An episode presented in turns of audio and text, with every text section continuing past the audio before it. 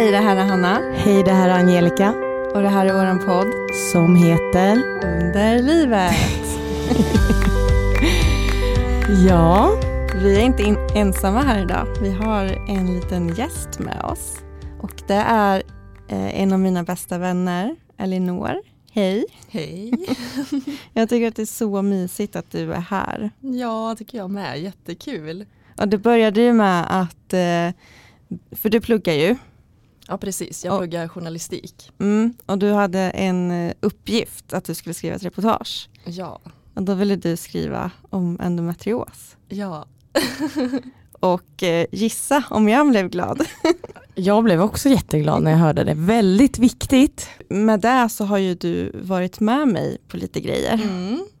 för att liksom bygga upp det här. Ja, det var jätteroligt. Och sen, ja, men, och sen så är det också så himla fint att du som kompis följer med och ser, för det pratade vi om, för du följde ju med mig till fysioterapeuten en regnig tisdag, eller vad det var, tisdags eller onsdags, jag minns inte vilken dag. Du följde med mig hela vägen till Huddinge, det tar lång tid ska folk veta.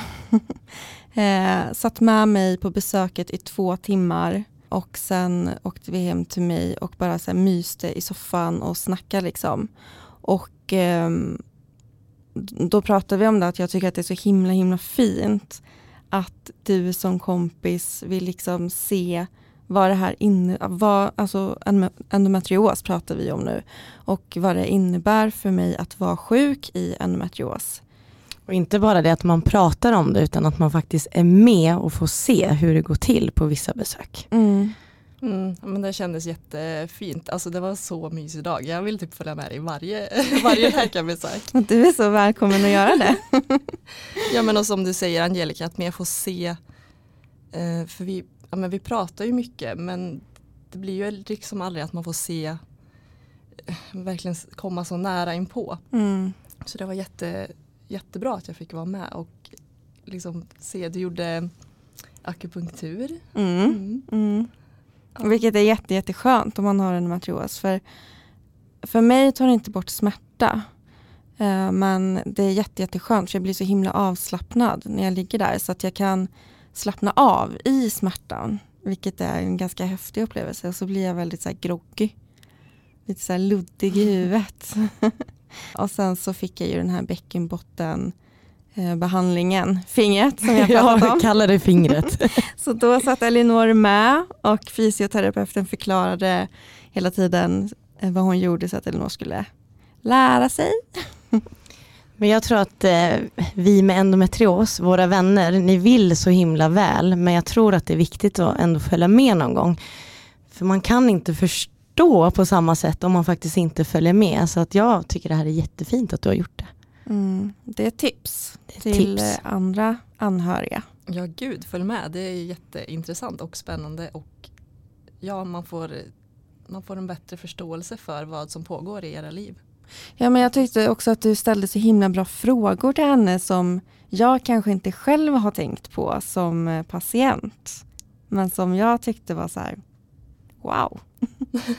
Ja men vad bra, jag kände mig väldigt, ja men jag kan ju egentligen inte så mycket så jag kände att det var väldigt så här basic frågor hon fick av mig men det är ju bra också. Har det varit frågor liksom, som du har undrat hur Hanna har eller generellt om endometrios? Var det så här riktat mot hur Hannas endometrios är? Eller ville du bara veta mer Jag öppet? tror det var Det var Ja, både och, både och, ja. ja. ja. precis. Och jag har ju själv inte fattat liksom att, eller det har jag väl, men så här att, att våra muskler, alltså våra som i, i vi som har en matrios, eh, de är verkligen skadade av att vi går runt och har ont och spända hela tiden. Och då, jag minns inte vad det var för någon fråga men det var precis när vi skulle gå och stod i, i korridoren där på sjukhuset och eh, snackade med fysioterapeuten de sista orden. Liksom. Och då ställde du någon fråga som jag inte minns. Men då, då sa fysioterapeuten att nej men det, det är för Hanna som det är så här. Liksom, för att hon har en matrios. Jag minns inte vad det var det Jo gällde. men det var att hon påpekade att du skulle att du, att du gick lite så här bakåtlutat. Just det. Ja, och att du skulle försöka ändra din tyngdpunkt framåt. Eh, och typ gå mer på typ hela foten tror jag hon sa. Eh, och då sa jag det att eh, wow vad sådana små saker alltså kan göra skillnad. Eh, och då sa hon det att kanske inte för dig som inte har endometrios men för Hanna skulle det göra jättestor skillnad just i, i bäcken, bäckenet om jag förstod rätt. Jag vet inte på vilket sätt riktigt men Nej det vet inte jag att- heller men det är ja. så himla häftigt att, eh, att med små medel och det känner jag under den här behandlingen också när jag, när jag gör den kontinuerligt. Hon bara trycker ju på musklerna från insidan, det är det hon gör. Och ändå så hjälper det mig så mycket i, i att det tar bort smärta. Men en annan positiv grej med att ha med någon på ett besök, du ser ju där, du kommer inte riktigt ihåg för att det blir så himla mycket att ta in. Så att det är inte dumt att ta med någon för här kunde ju du få, ja just det, det var ju det hon sa, men man kommer faktiskt inte ihåg när man är på alla besök Nej. själv. Så att även där är det bra att ha med sig en vän. En väldigt bra poäng. Mm. Mm. Men hörni, jag vill veta hur ni mår. Jag börjar med Angelica. Hur mår du? Jag mår bra. Eh, jag har en glasbit i foten. Ska man ta ut den kommer jag få infektion. nej, det är typiskt mig. Hanna sa, du kan gå till Hötorget här sen efter och plocka ut. Jag bara, nej, nej, nej, den lossnar nog av sig själv. Alltså för att det finns eh, en mottagning på Hötorget. Men det, det gör jag inte, utan jag tror att den glasbiten kommer lossna. Eh, Men om jag går in lite på hur jag hade det förra helgen så blev jag bjuden på spa av mina vänner som jag lever på än idag. Vad Eh, fint. Ja, Gud vad. Varför gjorde de det? en försenad 30-årspresent. Mm, fina. Eh, så att det här var ju precis innan nya restriktionerna kom med corona så vi hann ju verkligen ha det mysigt på Sturebadet. Och då fick jag en behandling av dem. Mhm. jag visste inte vad jag skulle göra. Det stod bara att jag skulle vara varm i kroppen minst 20 minuter innan. Mhm. Och jag blev så här, vad är det här? Men då fick jag ett hammam med massage. Så att då fick man då, man låg på en stenbänk eh, och hon hällde verkligen kokhett vatten på en. Så att i början var det ju så här, hjälp typ. Och sen skrubbade hon rent mig, hon tvättade och sen kom massagen. Och så sa jag det att jag har spänningar i vänster ben. För att det får jag när jag har endometrios. Alltså det var bland den bästa behandlingen jag har fått. Alltså när jag kom ut så gick jag typ och drog benen för jag kunde inte gå. Men när hon höll på att massera mig så ryckte min hand. Jag kunde inte styra. Hon bara, här har vi spänningen. Och det var ju här vid vänster ben vid ljumsken. Så det här kommer jag verkligen fortsätta med. Så att värmebehandling som är bra för endometrios. Men även att hon struntade lite i hela kroppen. Utan jag fick berätta vart jag hade mest problem. Och då fokuserade hon där. Och jag, alltså de tre dagarna efter, det var så här. Jag vågade inte säga att jag inte hade så ont. För jag var så rädd. För jag mådde så bra efter. Mhm, är det sant? Mm. I hur många dagar efter? Tre. det låter jättelite men det är jättemycket för mig. Men om man har ont varje dag så är tre dagar, då är det himmelriket. Så att det var väldigt fint. Jag har levt på det länge och, och att de ville skämma bort mig. Och jag har alltid sagt att värme är bra för endometrios och de sa det att det här, det här kommer bli bra men eh, det är ofta så här man säger tack för den här presenten men det här var verkligen stort tack för att det här kommer jag göra igen. Mm. Gud vad Gud, fina vad vänner. fint. Ja, så att jag mådde faktiskt jättebra i tre dagar på jobbet. Det var så här när de frågade. Då var det liksom ingenting egentligen att klaga på mer än, det låter så hemskt, den vanliga mensvärken. Men den var liksom okej. Ingen smärtstillande, ingenting. Oj vad häftigt. Ja. Så för mig funkar det i alla fall. Ja.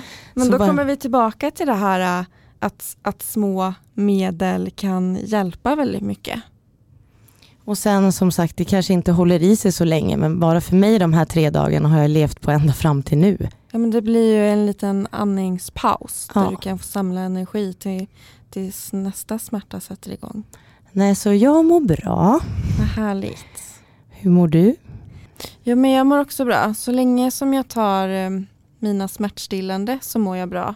Och jag måste verkligen ta dem så här hela tiden. Och, ja, och det känns väl också lite så här... eh, Jag, jag kommer bli beroende av dem och jag är säkert redan det. Det är ju opiater. Liksom. Och jag tar åtta per dag. Ja, shit, det är mycket. Det säger ju något om vilken smärta jag får. Ja. Eh, Men om jag tar dem, eh, och det pratade vi om med fysioterapeuten också, vi har alltid ett litet sånt eh, samtal innan hon sätter igång, då vi bara så här, äh, checkar av läget med allt med matrosen. Men då sa hon så här, ja men då, då, då ska du ta dem kontinuerligt också om det är det som hjälper. Så är det superbra. Och det har hon ju helt rätt i, även om man känner sig lite dum när man... Alltså jag tycker att det är jobbigt att ta de där tabletterna. För att det känns... Jag vet inte. Det är väl lite tabu att ta så mycket medicin, jag vet inte. Men de hjälper, alltså de hjälper så bra. Jag fungerar liksom och jag blir också pigg. Om jag inte tar eh, två för tätt, då, då kan jag däcka. Men minns du, jag kommer inte ihåg i vilket avsnitt, då sa jag att en läkare sagt till mig att om en frisk person skulle ta de här tabletterna så skulle den ja, bli trött, kanske uppleva att man, in, att man nästan var lite full. Men när man har ett behov, då, centrer, då letar sig ju tabletten upp till det område man har ont. Så att det här måste du också tänka att är, du ska inte känna någon skam för att du tar det, utan du tar ju det för att du har ont. Mm. Eh, och sen kan jag säga, för jag har ju börjat med de här nyligen, och jag är väldigt försiktig med dem, men de hjälper. Men det är lite biverkningar med dem, med illamående, jag vågar inte ta dem till jobbet. Så folk måste förstå att de är väldigt starka. Mm. Men du säger att du blir pigg av dem, men det är väl det, då har det vänt. Jag kanske också kommer dit när jag vågar ta lite mer, liksom, när jag väl behöver. Ja, när jag började med dem så kunde jag ta en och då var jag så här, kunde jag somna. Så att det där är ju verkligen någonting, jag har ju tagit dem under en, en väldigt lång period. Så då har jag ju kunnat trappa upp liksom, till den dosen som funkar per dag med mina smärtor. Men jag sa ju det till dig Hanna, när jag kommer hem, det är så ett projekt med den här tabletten. Jag måste vara nyduschad, jag måste liksom vara hemma själv på kvällen och sen när jag tar den så går jag och lägger mig så här och så väntar jag på att den ska börja verka. Liksom. Jag har verkligen respekt för den. Men den får ju mig att må bra, jag har inga muskelkramper på natten men fortfarande lite rädd att ta den på dagen. Så jag försöker så här en söndagkväll, alltså om jag får ont såklart, annars tar jag inte dem. Men just det att eh, det är en tillvänjningsperiod. Mm, man får ta dem vid smarta tillfällen. Ja, och sen så har jag varit lite så här nere i, i helgen nu. Nu är det söndag när vi spelar in. För att Olof har efter väldigt många, eh, en, en, väldigt lång utredning, han har tagit, han, så här. Olof har en inflammation i tarmarna och den, det har han haft länge som han har tagit tabletter mot och så har det varit bra. Sen i samband med det här så har man hittat att han har dåliga njurvärden. Och jag minns inte om de var för höga eller för låga. Så då blev det en utredning kring det. Så att han har varit in och ut på Karolinska eh, senaste veckorna. Och eh, nu så fick han reda på att han har en kronisk njursjukdom. Och hans njurar funkar bara till 30 procent. Eh, och han ska läggas in på sjukhuset i ett dygn för att ta ännu mer prover och tester och se exakt vad det är och vad man kan göra åt det. Liksom. Gud vad jobbigt. Ja, men jag, han mår bra, alltså han ja. mår jättebra. Det här har ju bara upptäckts av en slump så att det är inte så att han känner av några symptom eller så. Och han är själv inte speciellt orolig. Och jag känner att jag har så himla många frågor. Men du får ju följa med honom. Ja, tänker jag. det får jag göra. på tal om det. använda Elinor här som förebild och följa med. ja, men det är väl klart du blir orolig. Det ja, men man blir naturligt. det. Mm. Ja. Man blir ju det. Så, ja, och jag eh, är lite orolig inför det här dygnet han ska läggas in då måste jag kanske sysselsätta mig med någonting så att jag inte sitter hemma och, och liksom du kan umgås med mig. Ja, jag får sova hos dig och Viktor. Ja, det får du göra. Ja. Sova mellan oss. Ja, mm. det gör jag så gärna. Om vi inte kan hålla Olof sällskap på sjukhuset. Ja, precis. Det mm. kanske också funkar att man gör det. Så är det för mig i alla fall. Tufft, men ja. en dag i taget en dag i taget. Mm. Och då tänker jag, för jag tänkte också lite på en matrios då också, att så här, alltså jag är ju orolig för, för Olof för att jag är rädd att det här framtiden kan skapa besvär liksom och så här, kommer han behöva transplantera en njure? Kommer den liksom försämras ännu mer? Och, och sådär. Och så i sammanhanget då så är det liksom lite skönt att man själv inom citationstecken bara har en metrios. För även om det är en jävligt pissig sjukdom som påverkar en varje dag om man har jätteont och blir dåligt behandlad av vården. Det ska sägas att Olof har fått jättebra hjälp såklart för att han är kille. Men en matrios är i alla fall inte farligt. Jag, jag kommer inte dö av det och jag kommer nog inte bli sjukare än vad jag redan är. Peppar peppar. Elinor, hur mår du? Nej, men jag mår bara bra. Jag eh, har jobbat hela helgen. Jag jobbar på, en, på Big Book, en mm. klädbutik. Mm. Så jag är lite trött men eh, nej annars mår jag bara bra. Ja. Gud vad skönt. Ja. Då får man njuta av det och liksom leva i det lite. Gud, nu har vi gått en runda här. Ska vi köra igång det här avsnittet då? Det tycker jag. Mm. Och vad ska vi prata om idag? Vi ska inte prata mer om endometrios utan vi ska prata om eh, svamp framför allt men också lite om bakteriell vaginos. Sa jag rätt nu? Japp. Yes. Supersnyggt. Bra.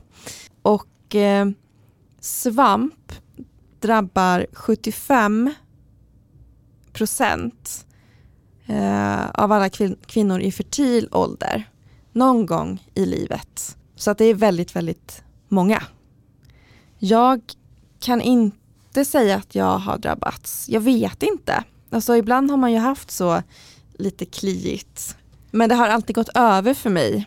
Och det kan väl svamp göra, att det går över av sig självt. Ja det kan det. Och det är ofta vanligt kanske om man är utomlands och badar och har blöta bikinitrosor. Då kan ju många uppleva, så jag tror att det är nog många av de här 75 procenten.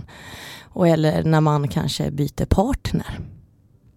Mm, vad spännande. Mm. men jag känner att jag kan inte så jättemycket om svamp. Så jag läste på lite här innan.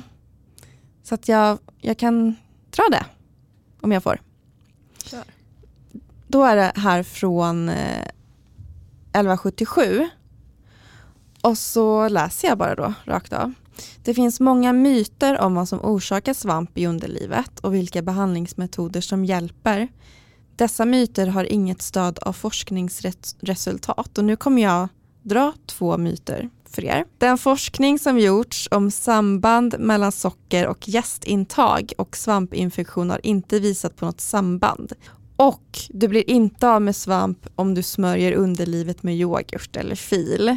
Däremot kan det kännas svalkande och därför lindra klådan. Man blir inte av med svamp men det kan lindra besvären. Alltså. Och varför man får svamp kan bero på olika faktorer. Och då ska jag dra några här för er. En antibiotikabehandling till exempel kan påverka de nödvändiga bakterierna i slidan vilket kan bidra till att du får en svampinfektion. Så om man äter mycket antibiotika så kan man alltså få svamp. Svamp kan också bero på att immunförsvaret är nedsatt av någon anledning. Till exempel om du håller på att bli sjuk eller har stressat mycket. Och det tycker jag är ganska intressant för det är en sån där grej som jag kanske innan har tyckt och tänkt om är lite så här, äh, ja men hokus pokus. Att stress verkligen kan så här, äh, förändra balansen i kroppen. Men det är klart att det kan. Det är ju superrimligt om man tänker efter. Ehm, så att jag, jag tyckte det var lite, först tyckte jag att det var lite uppseendeväckande att, att man kan få svampinfektioner i underlivet av stress. Men det är ju hur rimligt som helst när jag så tänker ett extra varv. Sen kan hormonerna i kroppen påverka slemhinnorna och därmed immunförsvaret i underlivet. Och därför är det vanligt att få en svampinfektion strax före mens eller under en graviditet. Och ibland kan svamp komma av något som har skavt mot slidan eller blygdläpparna. Till exempel om du har cyklat mycket eller haft mycket, det här är kul, kul ord, slidsex.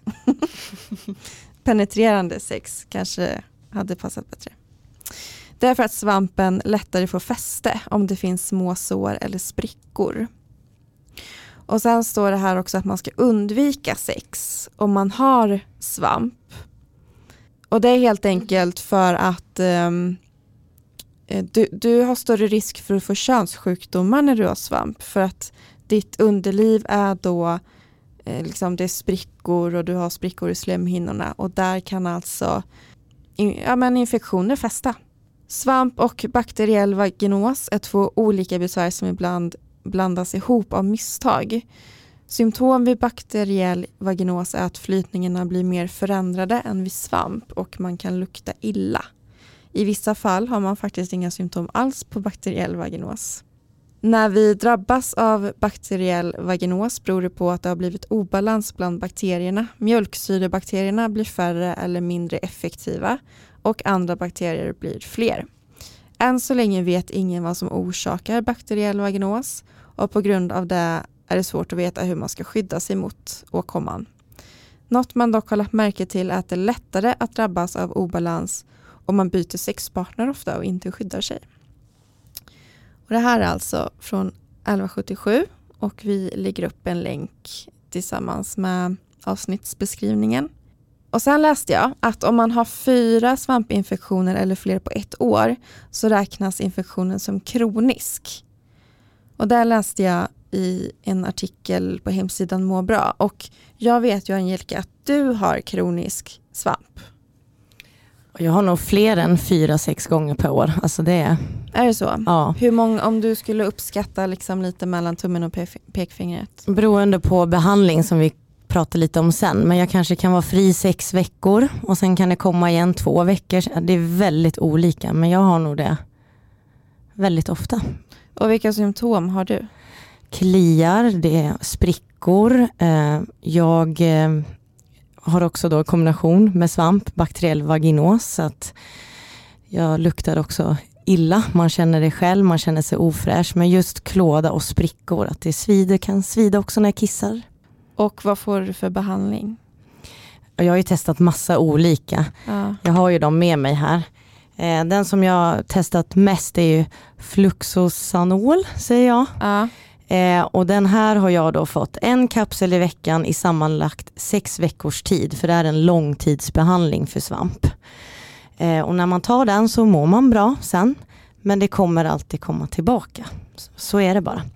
Så då har jag faktiskt tagit tag i det här nu, för jag tycker det är jobbigt. Man har redan så mycket med endometriosen och jag känner att jag vill inte gå runt och känna mig ofräsch.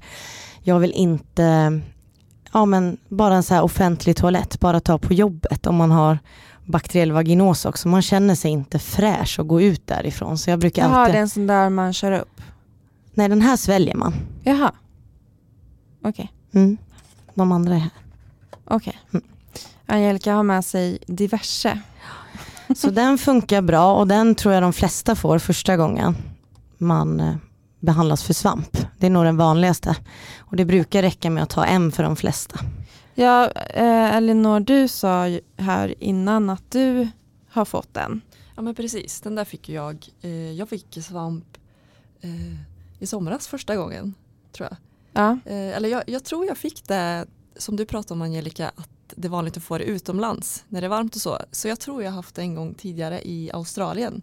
Mm. Det var nog första gången. Ehm, men det tedde sig lite olika så det var, ett helt, det var på ett helt annat sätt än den svampen jag fick i somras. För jag antar att det kanske blir lite olika beroende på.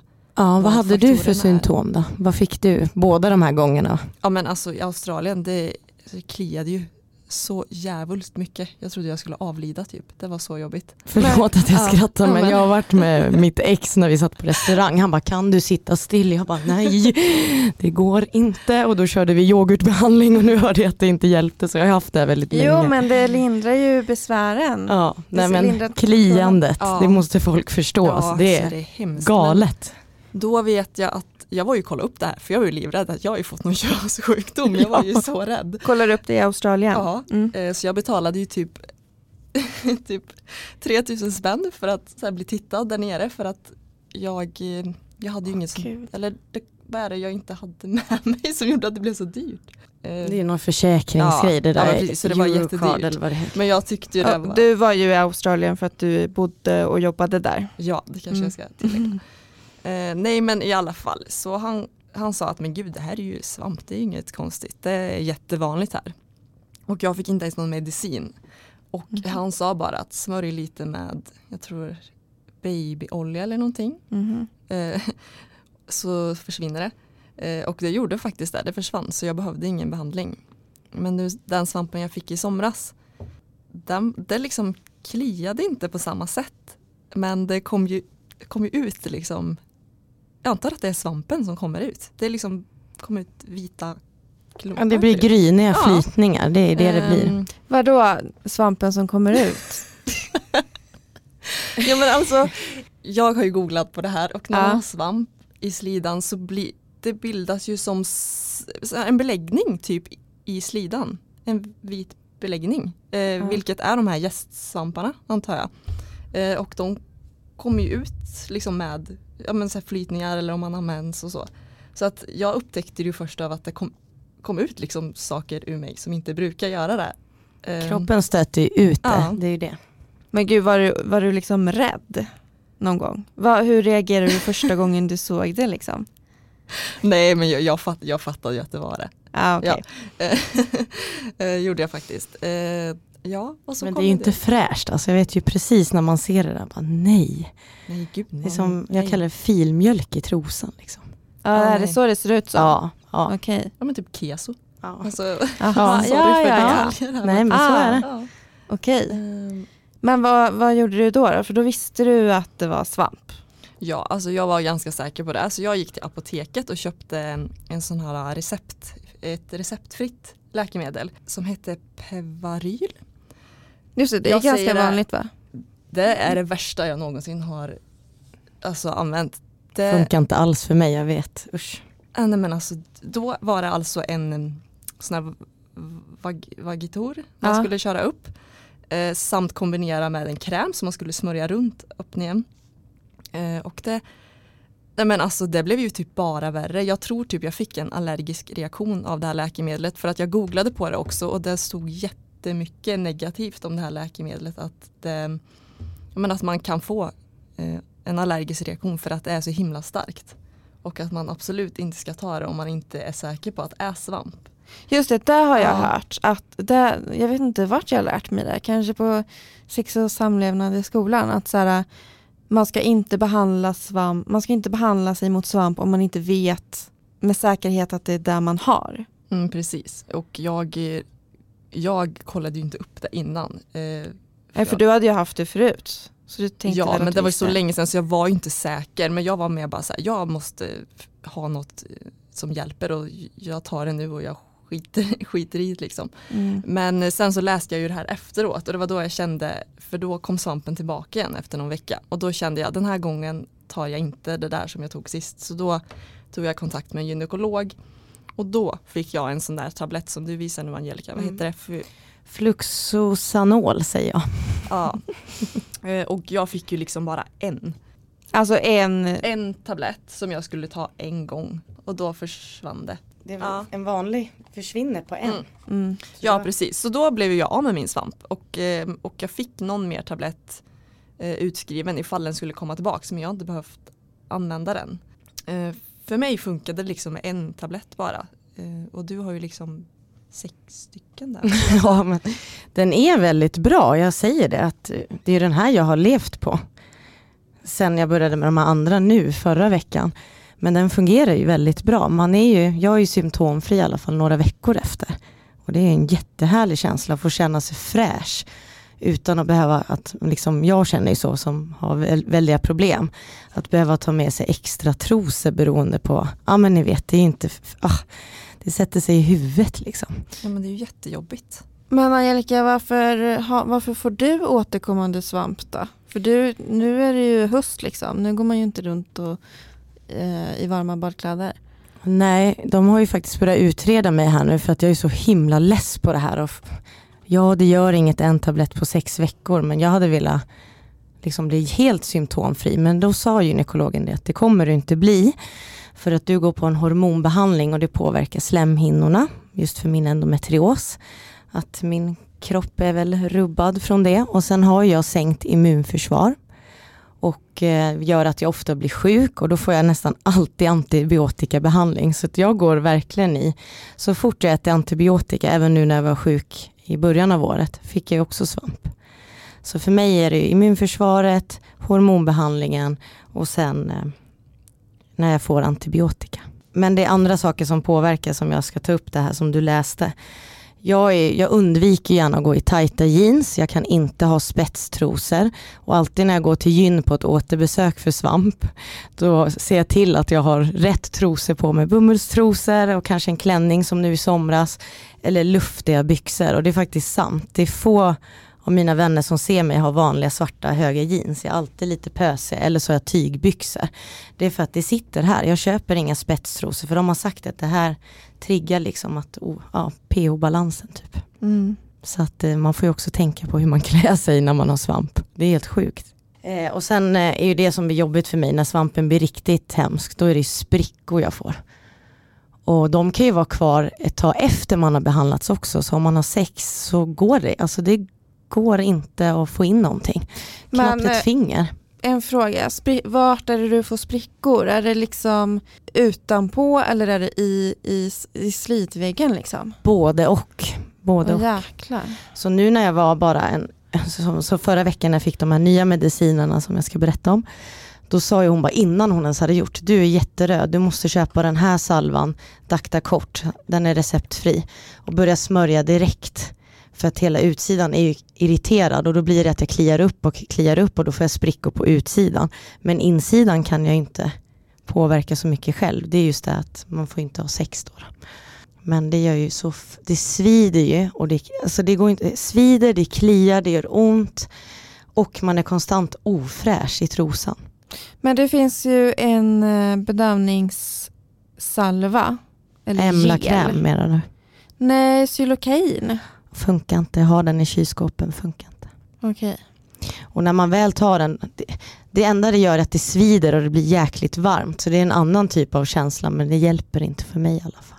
Men Angelica, du dejtar ju så. Ja, Har och det är ju jättehemskt tänker jag. För nu kan jag säga, nu har jag fått en ny eh, tablett som jag avslutar idag faktiskt. Det är en vaginaltablett till kvällen, sex kvällar nu har jag tagit den. Donaxyl.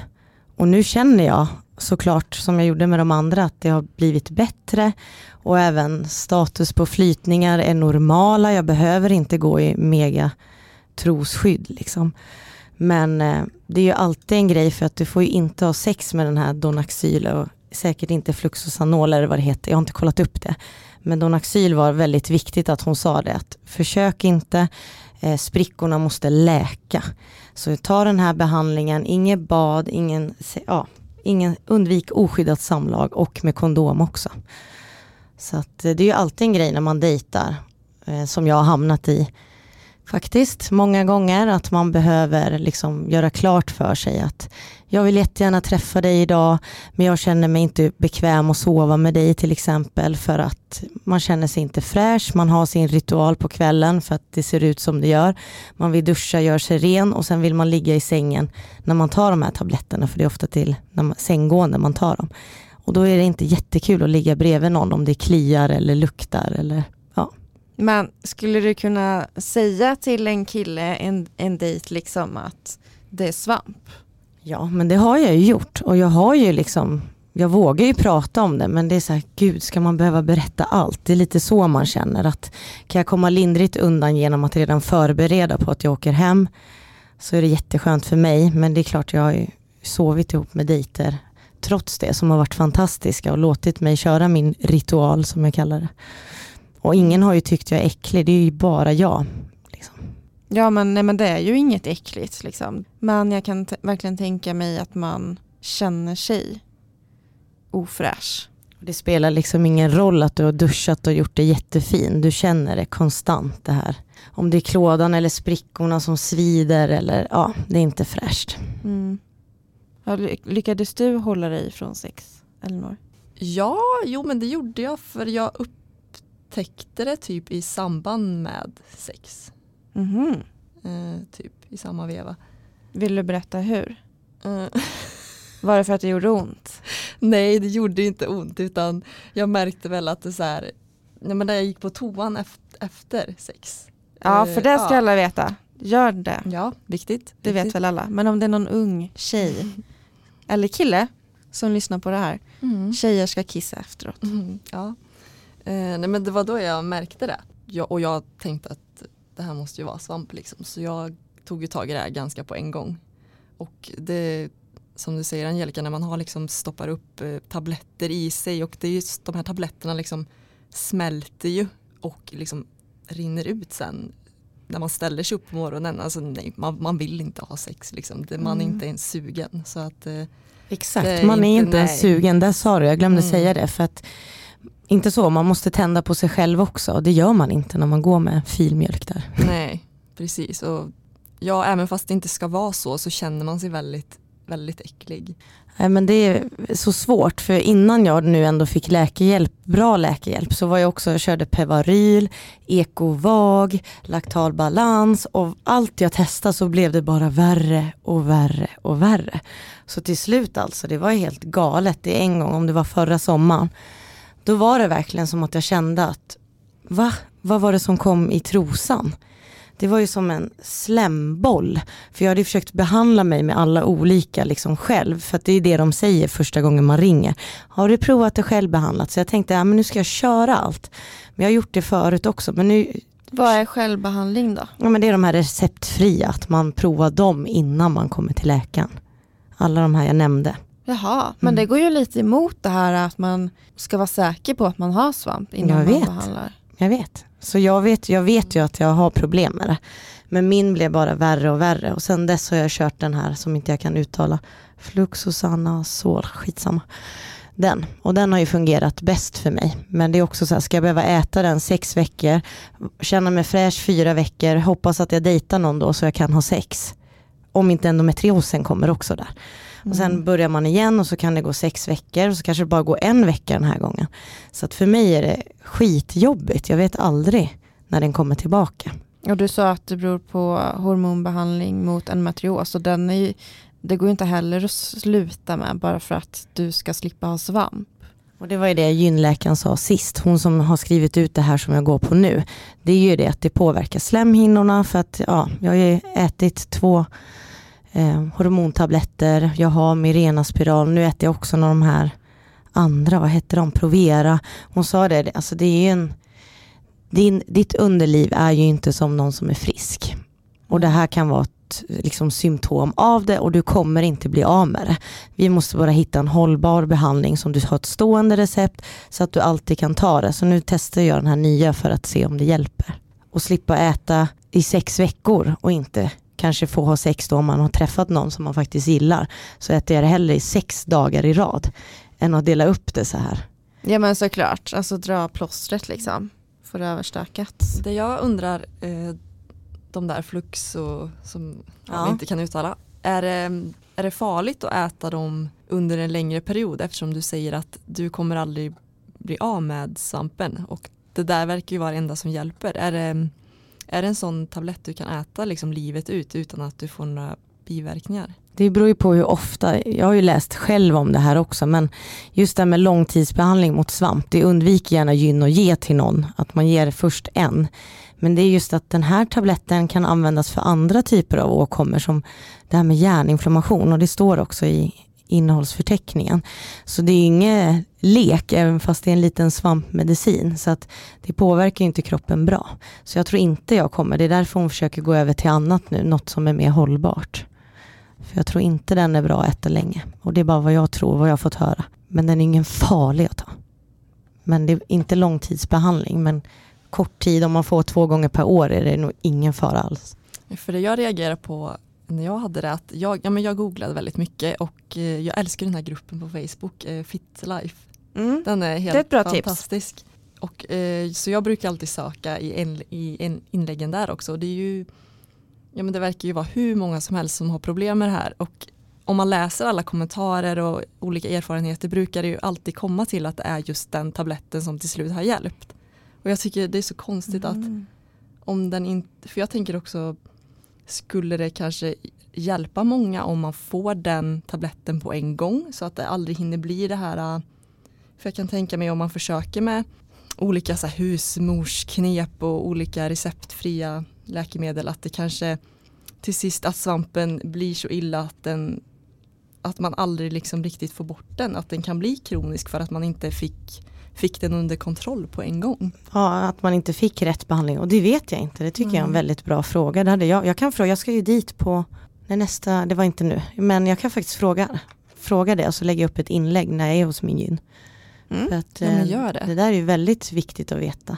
För då vill man inte gå och självbehandla som ni säger här.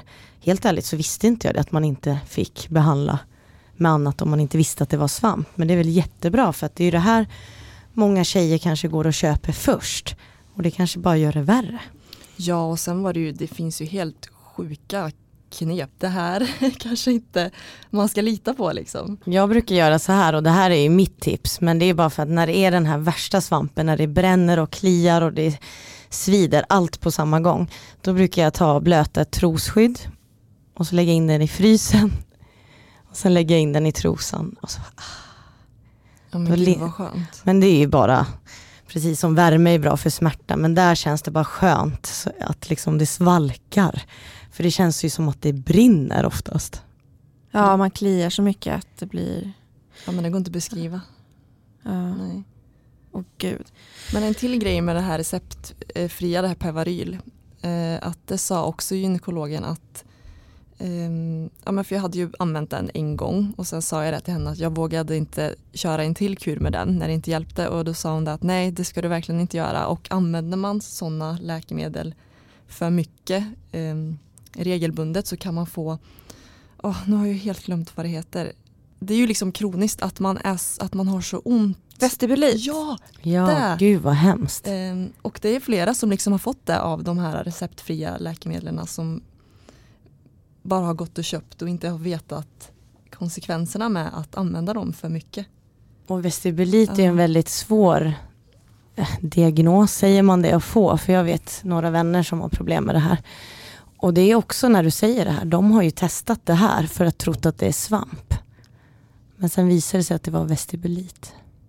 Då Ja, det, det får vi också prata om i, i ett eget avsnitt. Men en sak jag tänkte på var, som du sa där Elinor, att var, varför får man inte bara liksom den här tabletten först som funkar för nästan alla?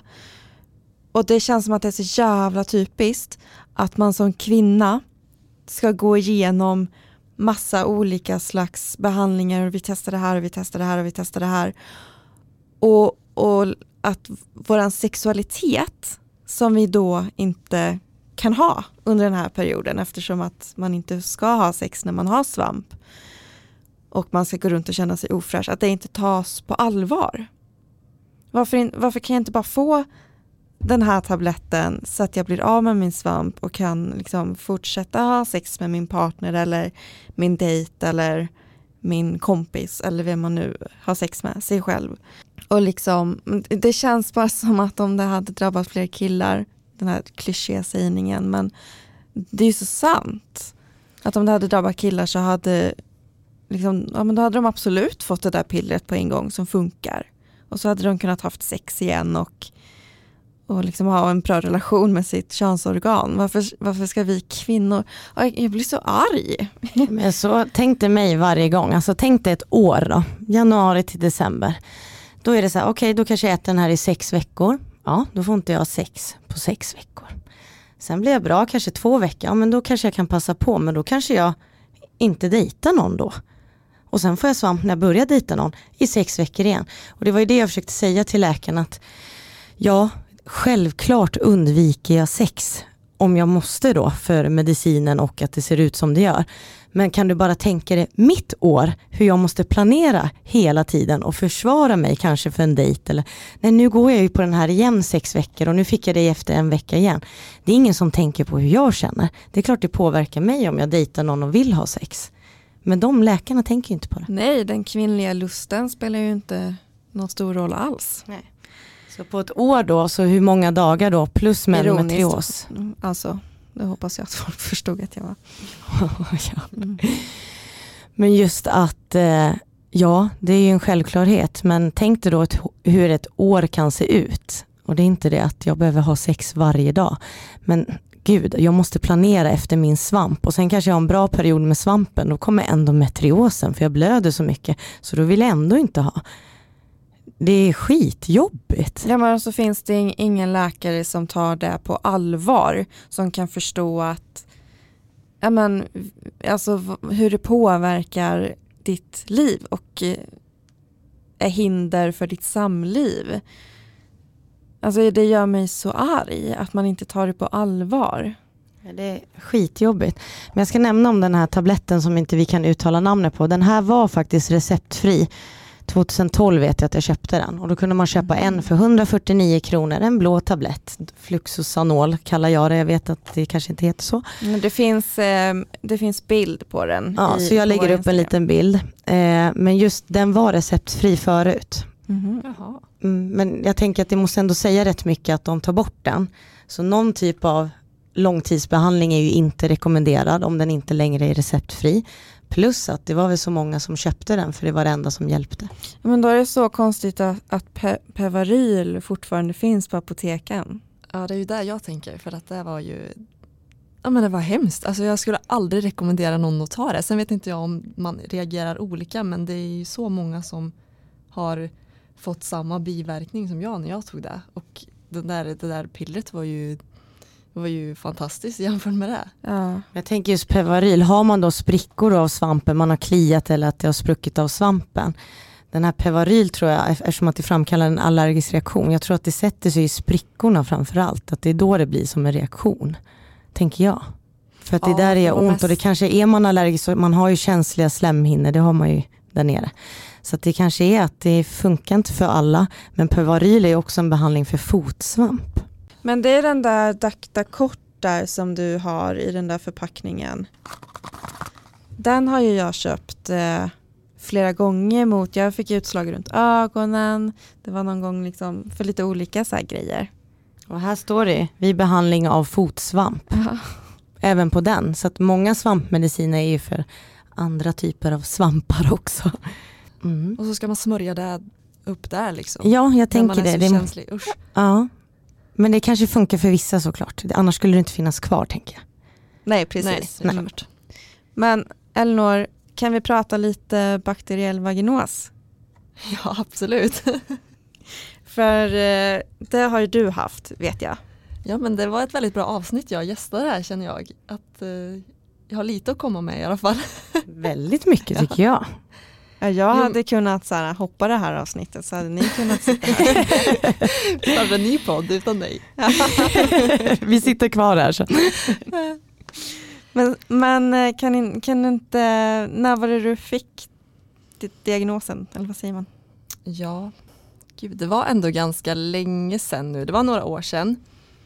Eh, och då hade jag liksom bara hört talas om det här via kompisar som hade haft det. Mm. Eh, och det är alltid så svårt att föreställa sig hur det är innan man själv har haft det. Och jag vet att min kompis också beskrev det här med att det luktar fan fisk där nere. Och jag typ bara skrattade och bara nej men gud så illa kan det väl inte vara liksom nu överdriver du typ. och hon bara nej alltså du får lukta om du vill. Jag bara nej absolut inte. Nej men och jag vet att hon, ja, hon hade också kämpat mycket med det och sen ja jag fick, ja, ja men och jag fick, ja, jag fick det och jag eh, tänkte på en gång att det här måste vara det som hon har pratat om för att jag, det, ja, det luktade så himla äckligt. Det är verkligen, eh, det var som du sa Angelica, att man känner sig liksom, ja men bara så på to, att gå på toa och dra ner byxorna var typ hemskt för att det känns som att man stänger in lukten där, där i, i byxan liksom. Ja. man Eh, kan känna igenom byxorna ja, kan jag ja, nästan Man sätta känner- mitt ord på att jag känner det. Ja, man ville typ sitta med så bena i kors och eh, för att typ det känns som att Stänga då in. stänger man in det lite liksom. Och väldigt mycket flytningar men det var liksom Jag fick mer att det var väldigt tunna, nästan vattniga flytningar. Det har jag aldrig upplevt innan. Oftast när flytningarna blir konstiga så på mig i alla fall att de är mer så här tjocka och så men det här var verkligen tunna rinnande flytningar så att trosorna blev blöta typ hela tiden. Jag minns jag hade så här trosskydd och ett, jag körde ju jättelänge att jag hade typ tampong i hela tiden för jag var så trött på att det liksom Mhm. för att så länge det, så länge det inte kommer ut ur kroppen så luktar det inte heller på Nej. samma sätt. Så att jag körde ju tampong eh, jättelänge. Mm, är det Eh. flytningarna som luktar? Ja, jag antar det. Ja, Ja. Ehm. nej men och sen gick, gick jag ju iväg då till gyn och fick fick eh, hjälp med det här och hon sa ju att ja det, var, det är ju bakteriell vaginos. Och det är lite roligt hur hon tittar där för att de, de, ehm, ja, men de skrapar ju typ ihop lite flytningar typ. Och eh, först så doppar, doppar de typ någon så pappersgrej i, för att, någon så pH-sticka i.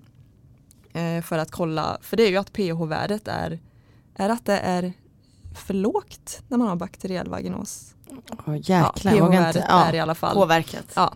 Eh, så de doppar en sån sticka men sen också kör de ett så här sniff-test. Va? Ja, det är så äckligt. Och så det, det ser ut som de så, gör, så här tar de och luktar på det. Ja, men alltså, det är bakteriell all, vaginos. All det är liksom klart. Men gud. Ja, så han bara, jag ska bara lukta, ja jag fick ju en kille också så, såklart. Han bara, jag ska bara lukta på dina flytningar. Ja. ja men gud vad obekvämt. Ja det var faktiskt lite obekvämt. Jag brukar faktiskt inte tycka det är obekvämt med mm, så här, gynundersökningar och så. Men det där var nästan det obekvämaste någonsin att någon ska så här, lukta på, på det liksom som jag vet luktar skit. Det är för att man själv känner sig så himla ofräsch och mm. så ska någon också bekräfta det direkt att ja det är det. Gjorde han någon grimas när han luktade? Nej, nej det gjorde han inte. Som tur var. eh. oh. Nej, så jag fick eh, också då en kur antibiotika med vagitorer, typ tre stycken. Man skulle köra upp tre nätter i rad. Eh, och sen skulle det vara bra. Men jag minns att det här, det här fick jag kämpa mycket mer med än med svampen. För det verkligen kom tillbaka så fort jag hade sex igen. Jaha. Det var som att, alltså, att pH-värdet bara så fort det kom in någonting annat som inte skulle vara där så bara rubbades pH-värdet igen. Det var det så känsligt? Liksom. Ja. Um, jag håller med där, helt. Du känner igen dig Angelica? Ja men jag tycker det är varje gång för mig. Jaha. Varje gång, så det här bekräftar bara skönt att höra någon annan som säger det. ja, och jag höll på jätte, alltså flera omgångar verkligen. Jättemånga gånger tror jag. Innan det... Vad får man för behandling då? Uh, ja, det, jag, nu kommer jag inte ihåg, för jag minns att då fick jag prova olika typer av antibiotika också. Um, nu kommer inte jag ihåg vad de heter Nej. men vi provade oss fram med olika. Eh, liksom. Och det var faktiskt inte, för det här var, då bodde jag i Karlstad. Um, så de första behandlingarna fick jag i Karlstad. Sen flyttade jag hit till Stockholm. Då hade jag fortfarande besvär och den eh, gynekologen var så himla bra. Han verkligen, ja, men det kändes som han lyssnade eh, för en gångs skull att någon gör det och mm. han verkligen så gick igenom så här okej okay, du har haft den, nej men gud varför gav de dig den, det tycker inte jag var någon bra idé och han verkligen försökte gå till botten med vad kan vi göra för att du ska slippa komma tillbaka en gång till. Så då gav han mig någonting annat. Ehm, det var också en sån man körde upp. Alla läkemedel jag fått har varit det. Ehm, och efter det så har jag inte haft det igen. Gud vad skönt. Ja, så jag vet inte, jag, det kanske har att göra med här, tidpunkten också. Att det kanske har att göra med ja, men immunförsvar och eh, ja, men andra faktorer. Men nu har jag inte haft det på eh, väldigt länge. Så det, och det är så skönt. För att det påverkar så mycket. Jag är jätteglad ja. för din skull. Tack. Vad kul, verkligen kul. Gud. Ja. Ja Angelica du känner ju igen dig så mycket. Ja men det är så skönt att sitta och prata med någon svampkompis.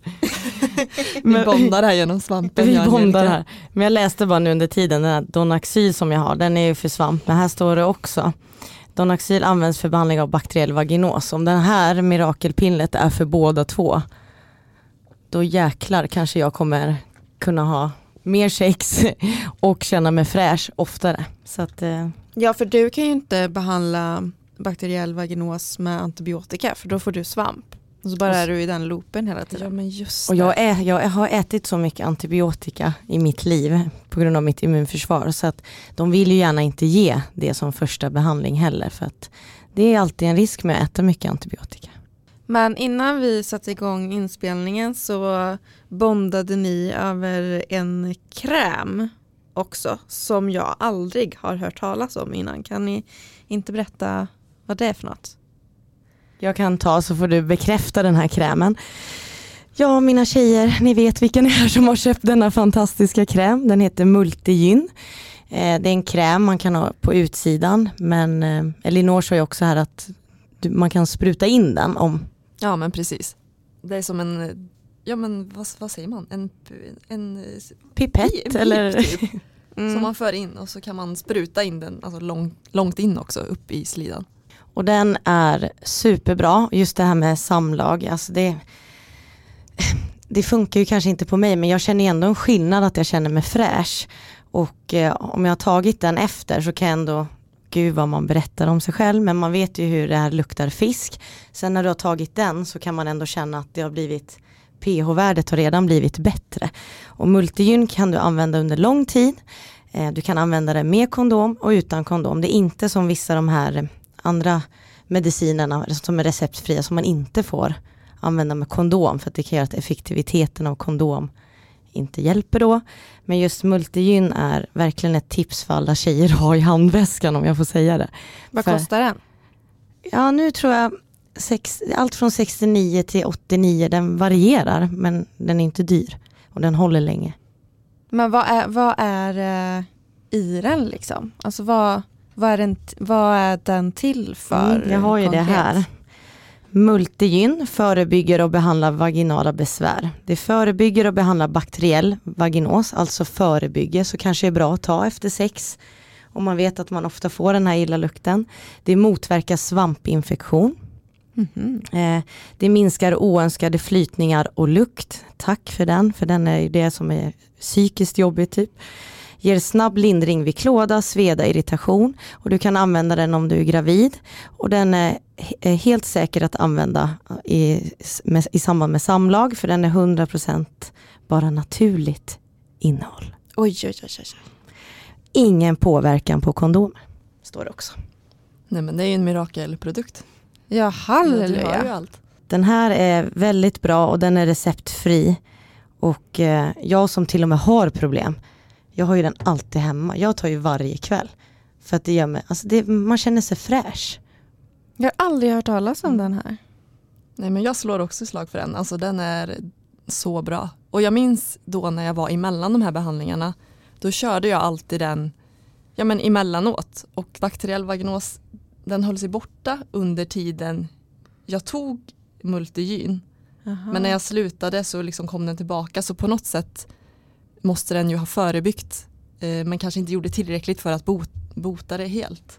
Det är väl säkert jätteindividuellt men det stod ju där förebyggande och jag tänker det är ju skitbra då om man känner kanske har en ny partner och man har mycket sex att man tar det här så att det inte går för långt. Och den är inte äcklig alls, den är genomskinlig och det är inte som de här andra medicinerna vi har pratat om utan den är faktiskt väldigt fräsch att lägga på också.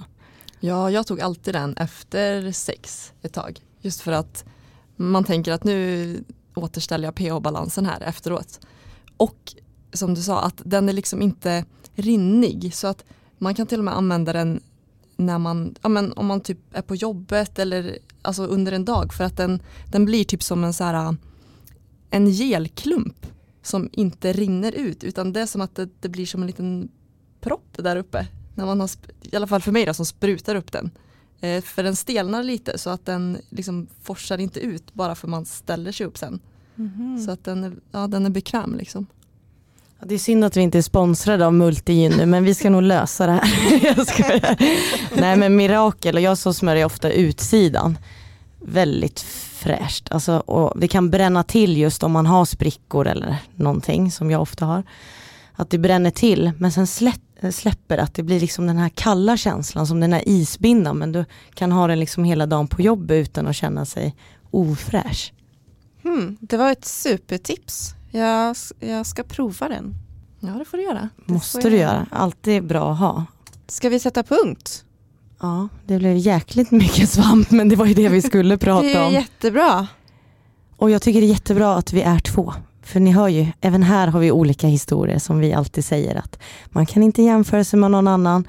Men man kan ha i alla fall kanske någon tablett gemensamt och man kan bekräfta det här. Så att våga också prata med era tjejkompisar för jag tror flera har det här. Och som sagt, jag har ju tipsat om Multigyn till minst tre personer som köpte det direkt efter mitt eh, sälj, säljanspråk. och kul att du var med. Ja, Ja, jättekul. Tack, det var så roligt. Så Jättemysigt att ha dig Ja, här. det var verkligen mysigt. Du får komma tillbaka. Ja men det gör jag gärna. Vad ska vi prata om då? Jag kan, nu har jag inga mer sjukdomar att dela med mig av. Det kanske kommer frågor också på det här som... Ja, Elinor, vad heter du på Instagram? Elinor Hedgren med ett L. Mm, och då kan man eh, eh, skriva till dig kanske om man har några frågor på det här. Ja, självklart. Ja, men grymt. Det är bara att skriva. Och jag heter Hanna Oredsson. Och jag heter Angelica Hackala. Och så har vi ju eh, en Instagram för podden som heter Underlivet podd. Jag och Hanna måste ju också få tacka ordentligt. Att vi faktiskt sitter i den här studion nu. För att vi har samlat in de här pengarna. Och det hade aldrig gått utan er lyssnare. Och oavsett om det har varit 20 kronor eller om det är en 500 eller något så har det gjort att vi kan sitta här som vi har sagt. Jag måste bara säga det, jag är fortfarande så stolt över det. Vi har ju tackat men tack. Det betyder jättemycket för oss. Annars hade podden varit nedlagd nu. Mm, och det är den inte, Nej. tack vare er. Mm. Så har vi kunnat sitta här och snacka svamp. Som vi fnissar åt men Ja. som är jätteviktigt. Ja. Hej då! Hej då! Hej då!